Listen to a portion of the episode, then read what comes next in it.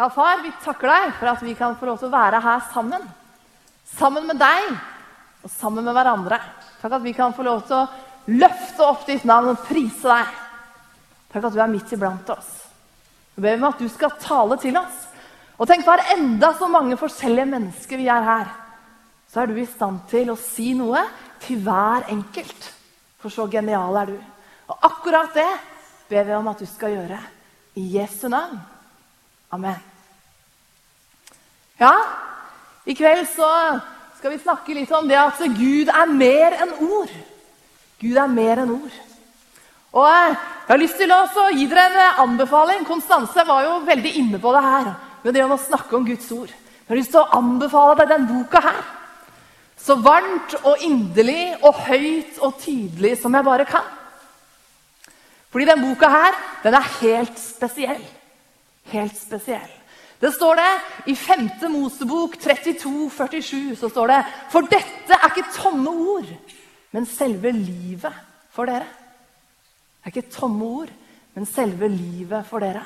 Den boka her den er rett og slett tidenes bestselger gjennom hele historien. Det er en helt unik bok. Det står det i noe sånn materiell som Alfa gir ut, at de anslår at det selges omkring 44 millioner bibel, bibler i året. Det fortsetter og fortsetter. Det er ikke sånn at liksom de slutter å selge. Nei. Det er ikke noen vanlig bok. Og Gud er ikke noen vanlig Gud. Han er en levende Gud. En Gud som er mer enn ord. En Gud som er full av kraft, full av liv. Som ikke snakker tomme ord. Men han er en Gud som står ved sitt ord. Ikke sant? Han står bak sitt ord.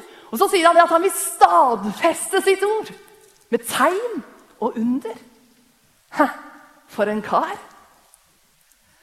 Han er en handlingens gud. Og hvis du tenker over så er det jo sånn at kraften i et ord talt av Gud det er jo slående. Han som taler til liv det som ikke finnes. Tenk å høre han si noe med den kraften Sånn som det står beskrevet i Salme 33, i vers 9. Så står det Han talte, og det skjedde. Han bød, og det sto der. Liksom. Hæ? Det er kraft i det som Gud sier. Det skaper det det nevner. Så hvis du tenker over det, så må vi vel kunne være enige om det, at vi kan i hvert fall ikke beskylde han for tomt snakk. akkurat. Han er en Gud som taler, og så skjer det noe. Sånn som vi nevnte i går. Han heter Javé. Jeg er den jeg er. Eller jeg er den mine gjerninger sier at jeg er. Han er en Gud som handler, og som ikke er redd for å være kjent for det han gjør. Jeg har en pappa som er teolog, og som eh, jeg er utrolig takknemlig til. For helt fra jeg var liten, så begynte jeg å skjønne det at han kunne veldig mye i den boka der. Og Fra jeg var en sånn seks-sju år gammel, så begynte jeg å leke noen sånne leker med faren min. Og så slo jeg opp i den store, tjukke boka full av bokstaver. Og det var jo ikke et eneste bilde! sant? Og så leste jeg en sånn merkelig setning inni der. Og så tenkte pappa sånn, og så sa han ja, ja, det var jo når Paulus skrev til efeserne. det. Ja, Det var nok i kapittel tre. Og det må vel ha vært rundt, eh, ja, det rundt det syvende verset. Og jeg var helt fascinert, for det stemte. ikke sant? Eller jeg kunne si noen av disse rare ordene som sto øverst. liksom Tessalonikerne eller filipperne, og si noen tall. Og så resonnerte han seg liksom fram til hva det handla om. Tenk å huske ting fra den digre boka. Og så sa pappa en ting til meg som forandra noe i livet mitt. For han sa det. Du kan også bli så godt kjent i den boka, Marianne. Og da bestemte jeg meg som en sju år gammel jente at det skulle jeg jammen bli. Jeg er litt sånn at jeg liker liksom en utfordring. Og Så begynte jeg å lese i den boka, og siden har jeg aldri slutta med det. Og det har blitt min største rikdom og min største styrke. Jeg har tatt et valg i livet mitt. At den boka der den skal være standard av autoritet i livet mitt. Og det gjør at jeg kan stå fast. Det gjør at jeg kjenner at jeg blir sterk på innsida. Det gjør at eh, jeg har blitt kjent med Gud. At jeg vet mer om hvem Gud er, og mer om hvem jeg er. Men det er et valg som jeg må ta på nytt og på nytt. At den boka skal være autoritet og standard for livet mitt. Det er et daglig valg, og noen ganger så er det faktisk et rått valg. Fordi jeg må forholde meg til det som jeg forstår, og det som jeg ikke forstår.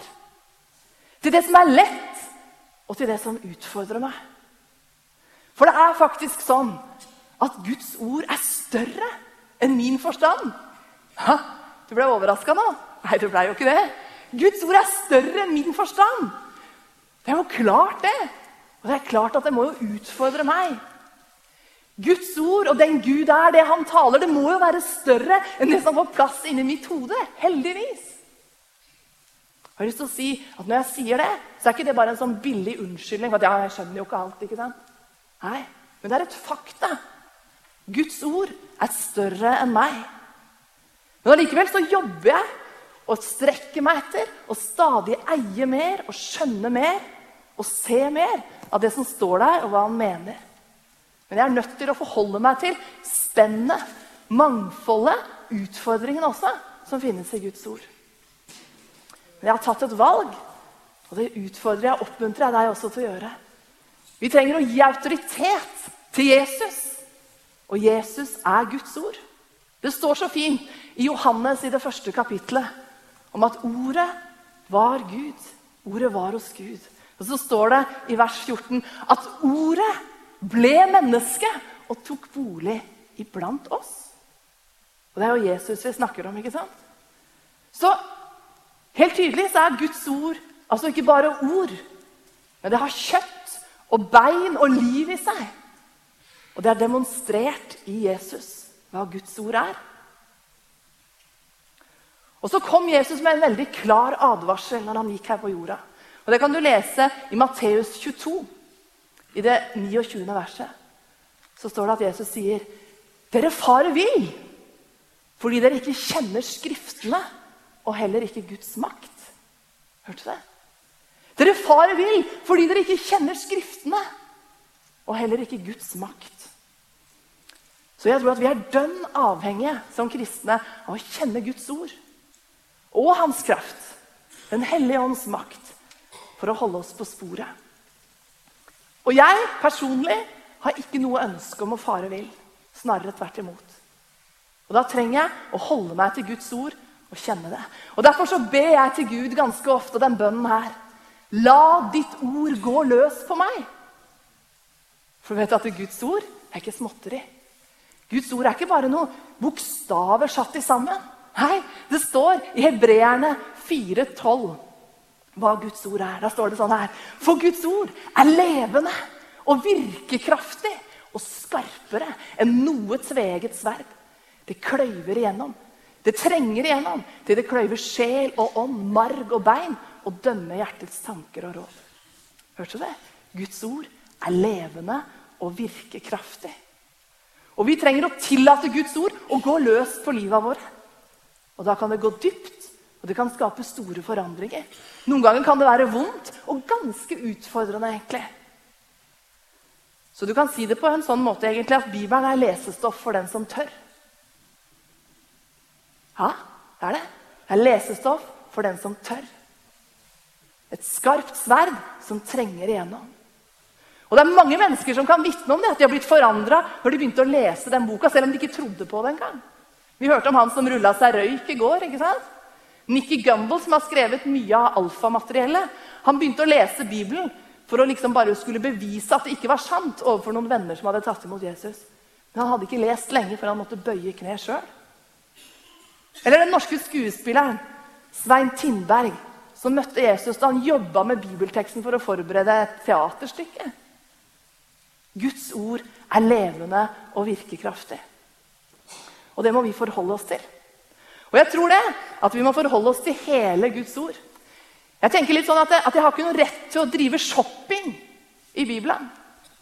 Og liksom Litt her og litt der og Det kanskje Nei, ikke det. Nei. Det kan være problematiske ting. ja. Det kan være tilsynelatende motsetninger. ja. Og vi er nødt til å studere ting rundt Bibelen og lære oss noe om historien. Det er skrevet inn i en sammenheng til virkelige mennesker med reelle problemstillinger. Så vi må ha både kjennskap og kunnskap til disse tingene. Men jeg vil oppmuntre deg til å lese Bibelen i sammenheng. For det er faktisk sånn at Hvis du bare tar et vers her og et vers der, så kan du få Bibelen til å si nesten hva som helst. Hvis du vil. Men du må lete etter summen i budskapet, lese hele boka for å se Guds hjerte og gjenkjenne hans tanke. I Salme 119, vers 160 så er det uttrykt sånn her i Guds ord selv. Summen av dine ord er sannhet. Evig er all din rettferdige dom. Hørte du det? Summen av dine ord er sannhet. På en av de reisene som jeg har fått være på i forbindelse med jobben min i Ungdom i oppdrag, så var vi på Filippinene. Og Da hadde vi et møte i et fengsel i en by som het Olongapo. Og Etter det møtet så fikk jeg sitte ned sammen med en av de innsatte. Ei dame som het Rosa. Og Så snakket jeg litt med henne, og så skjønte jeg at hun hadde en bibel som hun hadde fått av noen som hadde vært der tidligere. Og så sa jeg til henne 'Å, så bra! Leser du Bibelen, eller?' 'Ja, ja', sa jeg. 'Ja, hva leser du?' sa jeg. Johannes 3, 16, sa hun. Å? Og så skjønte jeg plutselig at de som hadde gitt henne den Bibelen, de hadde sagt 'Les Johannes 3, 16'. Og så hadde de vist henne det. Så da leste hun det. Hun hadde lest det mange ganger. Men hun kom liksom ikke på at, at hun kanskje kunne lese noe mer. For det var jo det de hadde sagt. Les Johannes 3, 16. Og så kan vi kanskje dra litt på smilebåndet og tenke ja, det var jo ikke så veldig intelligent. Men hvordan er det med deg? Hvor mye leser du av alt det som finnes der? Hvordan er det med meg? Vi må lese hele boka. Du vet at Det er et kjærlighetsbrev. Et drabelig, hemningsløst kjærlighetsbrev fra Gud til deg og meg. Uttrykt gjennom Jesus og skrevet ned på mange måter. Gjennom lange tidsepoker av mange forskjellige mennesker. Og Hvis du har fått et kjærlighetsbrev noen gang, er det noen her som har fått et kjærlighetsbrev? Jeg håper du har fått det. Jeg fikk den, og Ståle var i militæret i Nord-Norge. Det var det eneste bra med at han var der oppe. Men vet du hva? De brevene når jeg fikk de, så var det ikke at jeg la de til side. Altså, jeg tar det seinere. Jeg liksom prøvde å se, Er det ikke noe oppsummering et sted? Er det ikke liksom, liksom noe som er litt mer framheva? Skal jeg bare lese nederst? Jeg leste jo alt. Selvfølgelig leste jeg alt. Hvorfor skulle vi behandle Bibelen annerledes? Som er det ultimate uttrykket for kjærlighet. Kjærlighetsbrevet fra Han. Men så er det jo det, da. At det er lesestoff for den som tør. Fordi at Gud er en levende Gud. Han er en Gud som har standard og integritet. Ja, er det sant? Finnes det en gudgitt standard? Er det sånn at eh, Gud har noen synspunkter på, på hva som er rett, og hva som er galt? Ja, selvfølgelig har han det. Selvfølgelig har han det. Hvis ikke så hadde det jo vært meningsløst at Jesus døde. Hvis ikke det var noe som var rett, og ikke det var noe som var galt, så hadde jo ikke han trengt å dø for å ta et oppgjør med synden. Ikke sant? Men han døde for å betale regningen. For å gjøre opp for det som var galt. For å ta straffen på seg. For å rydde veien helt inn i himmelen for deg og for meg. Og det er jeg glad for at han gjorde. Jeg mener, Gud er jo ikke dum heller. Ikke sant? Han ville jo aldri ha ofret sin egen sønn hvis det ikke var nødvendig. Det kostet han dyrt. Så det understreker for meg med store bokstaver at det, det, er noe som er rett, og det er noe som er galt. Og det må vi våge å si. Det må vi våge å stå opp for. Fordi Gud er mer enn ord. Jeg tror at han har sagt det han mener i denne boka, her, og at han mener det han har sagt. Og at han forventer handling fra vår side. Og Det tror jeg han gjør fordi han er en levende gud. Han er ikke bare en teori i en bok. Han er ikke bare læresetninger som vi kan pugge og gjengi mer eller mindre riktig. Faktisk så er det sånn at vi er så privilegert vi, i Norge at landet vårt egentlig i moderne tid er bygd på denne boka her. Fordi det var gutter som Hans Nilsen Hauge, gutta på Eidsvoll i 1814, som ba til Gud, som leste Guds ord, og som hadde Guds frykt i livene sine. Og vet du at det har velsigna Norge rikt og grundig i røttene våre, i grunnvollen vår av hvem vi er som nasjon. Og jeg tror at Det er en ting som er veldig vanskelig å måle. Det er vanskelig å måle velsignelse. Hva velsignelse er, og hva det gjør for noe. Og det er mange som ikke skjønner det. Men hva skjer når mange i dag vil fjerne Bibelens lære og Bibelens verdier fra det offentlige rom, fra skolene, fra samfunnet vårt? Tror du virkelig at vi kan rive grunnmuren, store deler av grunnvollen i vår nasjon, og så at huset allikevel skal bli stående? Vi må passe oss for å bli historieløse. Og for ikke skjønne hva det er vi har som nasjon, hva som er en del av vår kultur, en del av vår identitet. Og vi må våge å stå opp og løfte Guds ord og holde fast i det som er en viktig del av vår kulturarv. Jesus utfordrer oss på det og sier i Matteus 5 at dere er jordens salt. Om saltet mister sin kraft, kan det da bli til salt?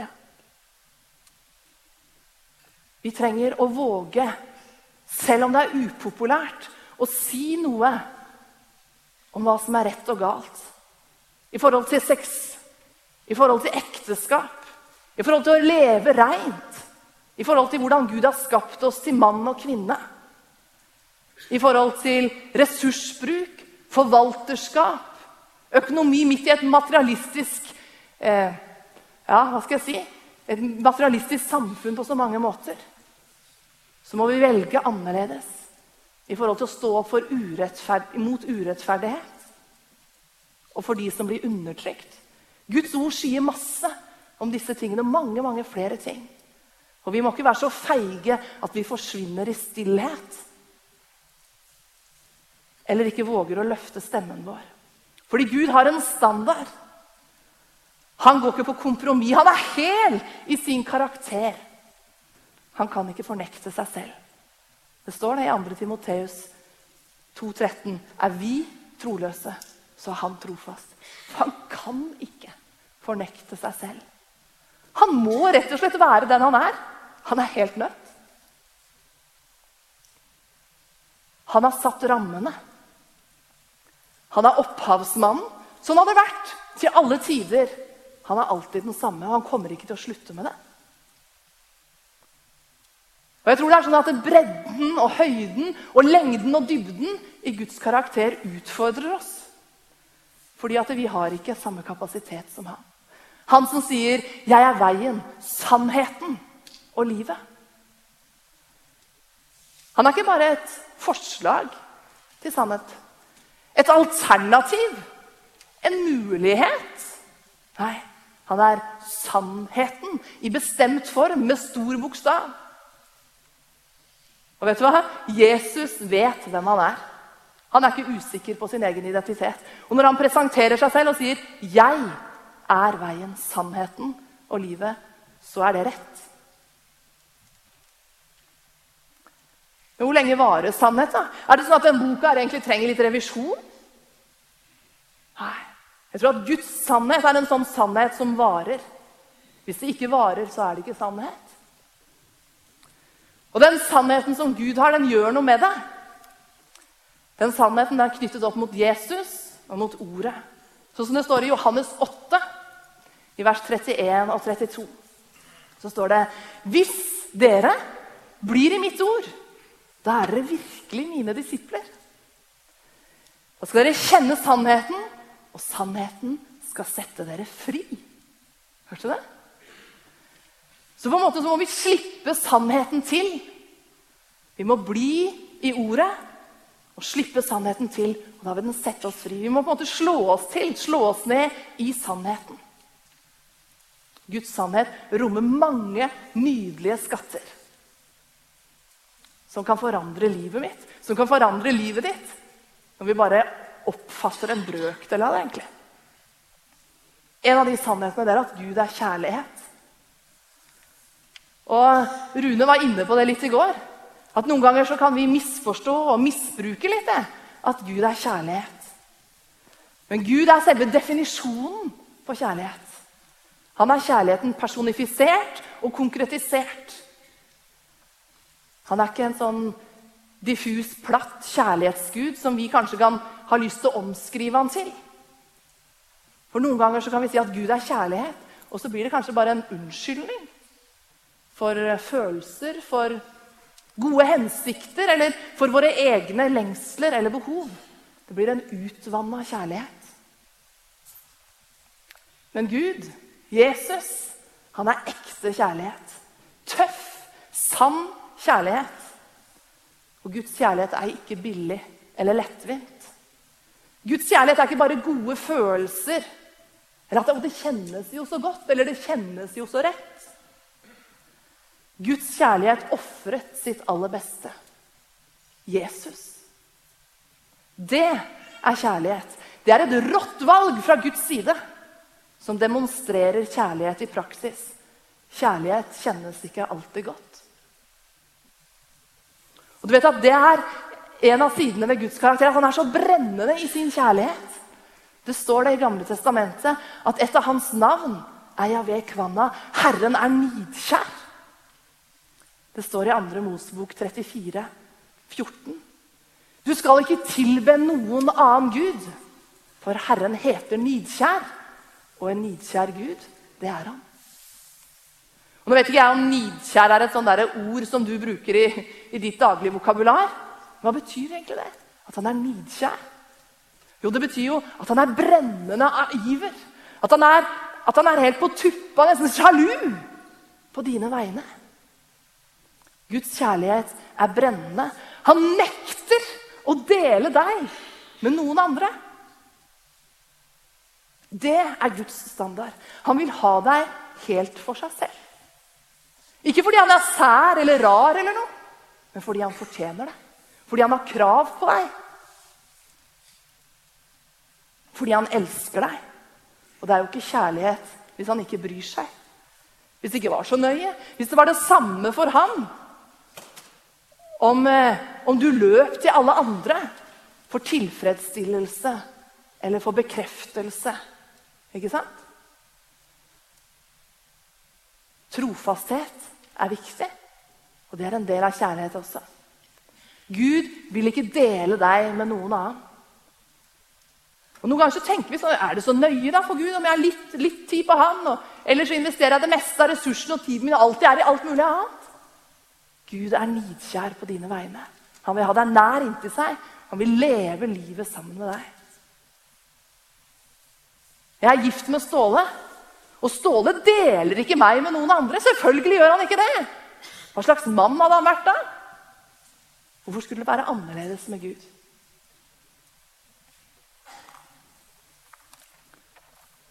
Guds kjærlighet er sånn at den gir sjenerøst og ufortjent.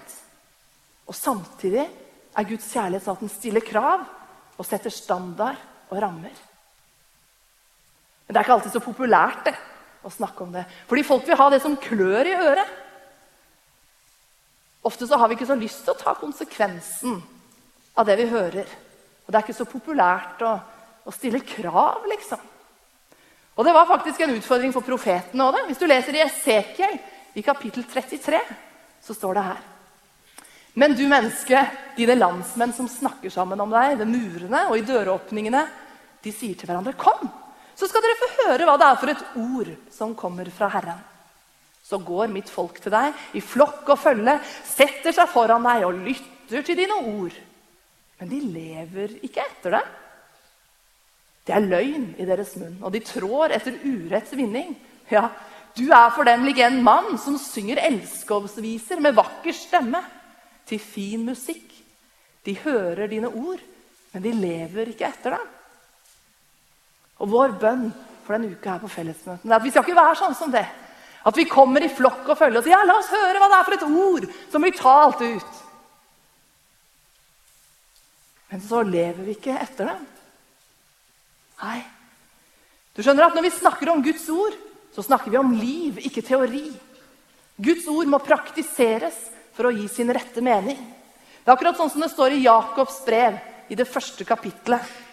fra vers 22 så står det dere må gjøre det ordet sier. Ikke bare høre det, ellers vil dere bedra dere selv.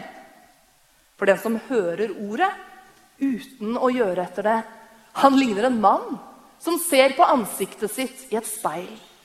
Han ser på det, går sin vei og glemmer straks hvordan han så ut. Men den som ser inn i frihetens fullkomne lov og fortsetter med det, han blir ikke en glemsom hører, men en gjerningens gjører. Og han skal være lykkelig i sin gjerning. Jeg tror at Gud lengter etter å vise seg mer for deg og meg. At vi ikke bare skal høre, men at vi skal gjøre. Og at vi skal få erfare at vi skal få være lykkelige i vår gjerning fordi Gud stadfester sitt ord.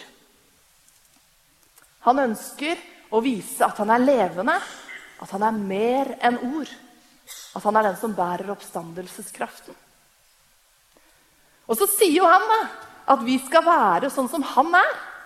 Det er jo helt utrolig. At Jesus er i oss ved Den hellige ånd. At han har håp om herlighet. At vi skal gjøre det han gjør. Ja, Det står til og med at vi skal gjøre større gjerninger enn de Jesus gjorde. Fordi han har gått til Faderen. Er det mulig, liksom? Hallo? Men det er faktisk sånn at i han, i Jesus, så er du som kristen verdens største ressurs. Jeg vet ikke om du pleier å tenke sånn om deg sjøl? Vi fatter jo egentlig ikke en brøkdel av det her. Det sprenger alle rammer. Og vi trenger at Jesus må hjelpe oss til å se det, til å tro det, til å leve i det. Sånn at han ikke bare blir ord i livene våre. Han som er så mye, mye mer enn ord. Og jeg tror vi må be sånn som Paulus gjør i Efeserbrevet i første kapittel. Så sier han Å, måtte han gi deres hjertes øye lys, så dere forstår hvilket håp han har kalt dere til, og hvor rik og herlig arven er for de hellige. Og hvor veldig hans kraft er hos oss som tror. Med denne veldige makt og styrke reiste han Kristus opp fra de døde og satte ham med sin høyre hånd i himmelen. Måtte han gi vårt hjertes øyelys. Måtte han skru på lyset, så vi får opp øya og ser hva det er. Hvor rikt håpet er, hvor veldig kraften er. Det er den samme kraften som reiste Kristus opp fra de døde. Oppstandelseskraften.